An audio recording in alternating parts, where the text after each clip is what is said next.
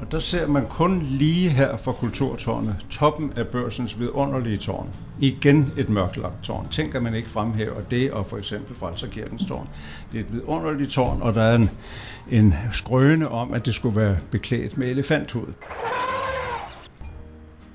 Det passer ikke. Det er bly, og bygningen og dermed tårnet er fra 1640 og var en børsbygning.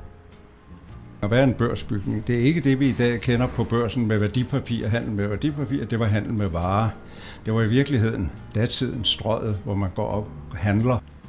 Man kunne køre ind med hestevogn, der gik militær igennem, så man handlede med varer, både inde i den store øh, øverste del af bygningen og nede i sideindgangene ud til både børsgaden og ud til, til den anden side.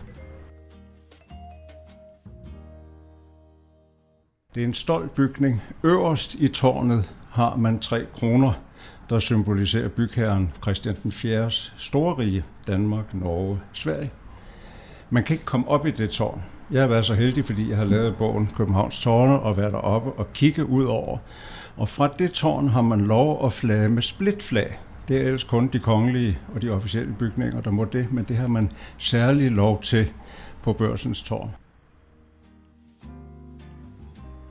I øvrigt er det nogle dygtige arkitekter, der hed Stenvinkel, både Lorenz og Hans Stenvinkel, der kom op her og hjalp med at lave den bygning. Det var nogle arkitekter, kongen brugte.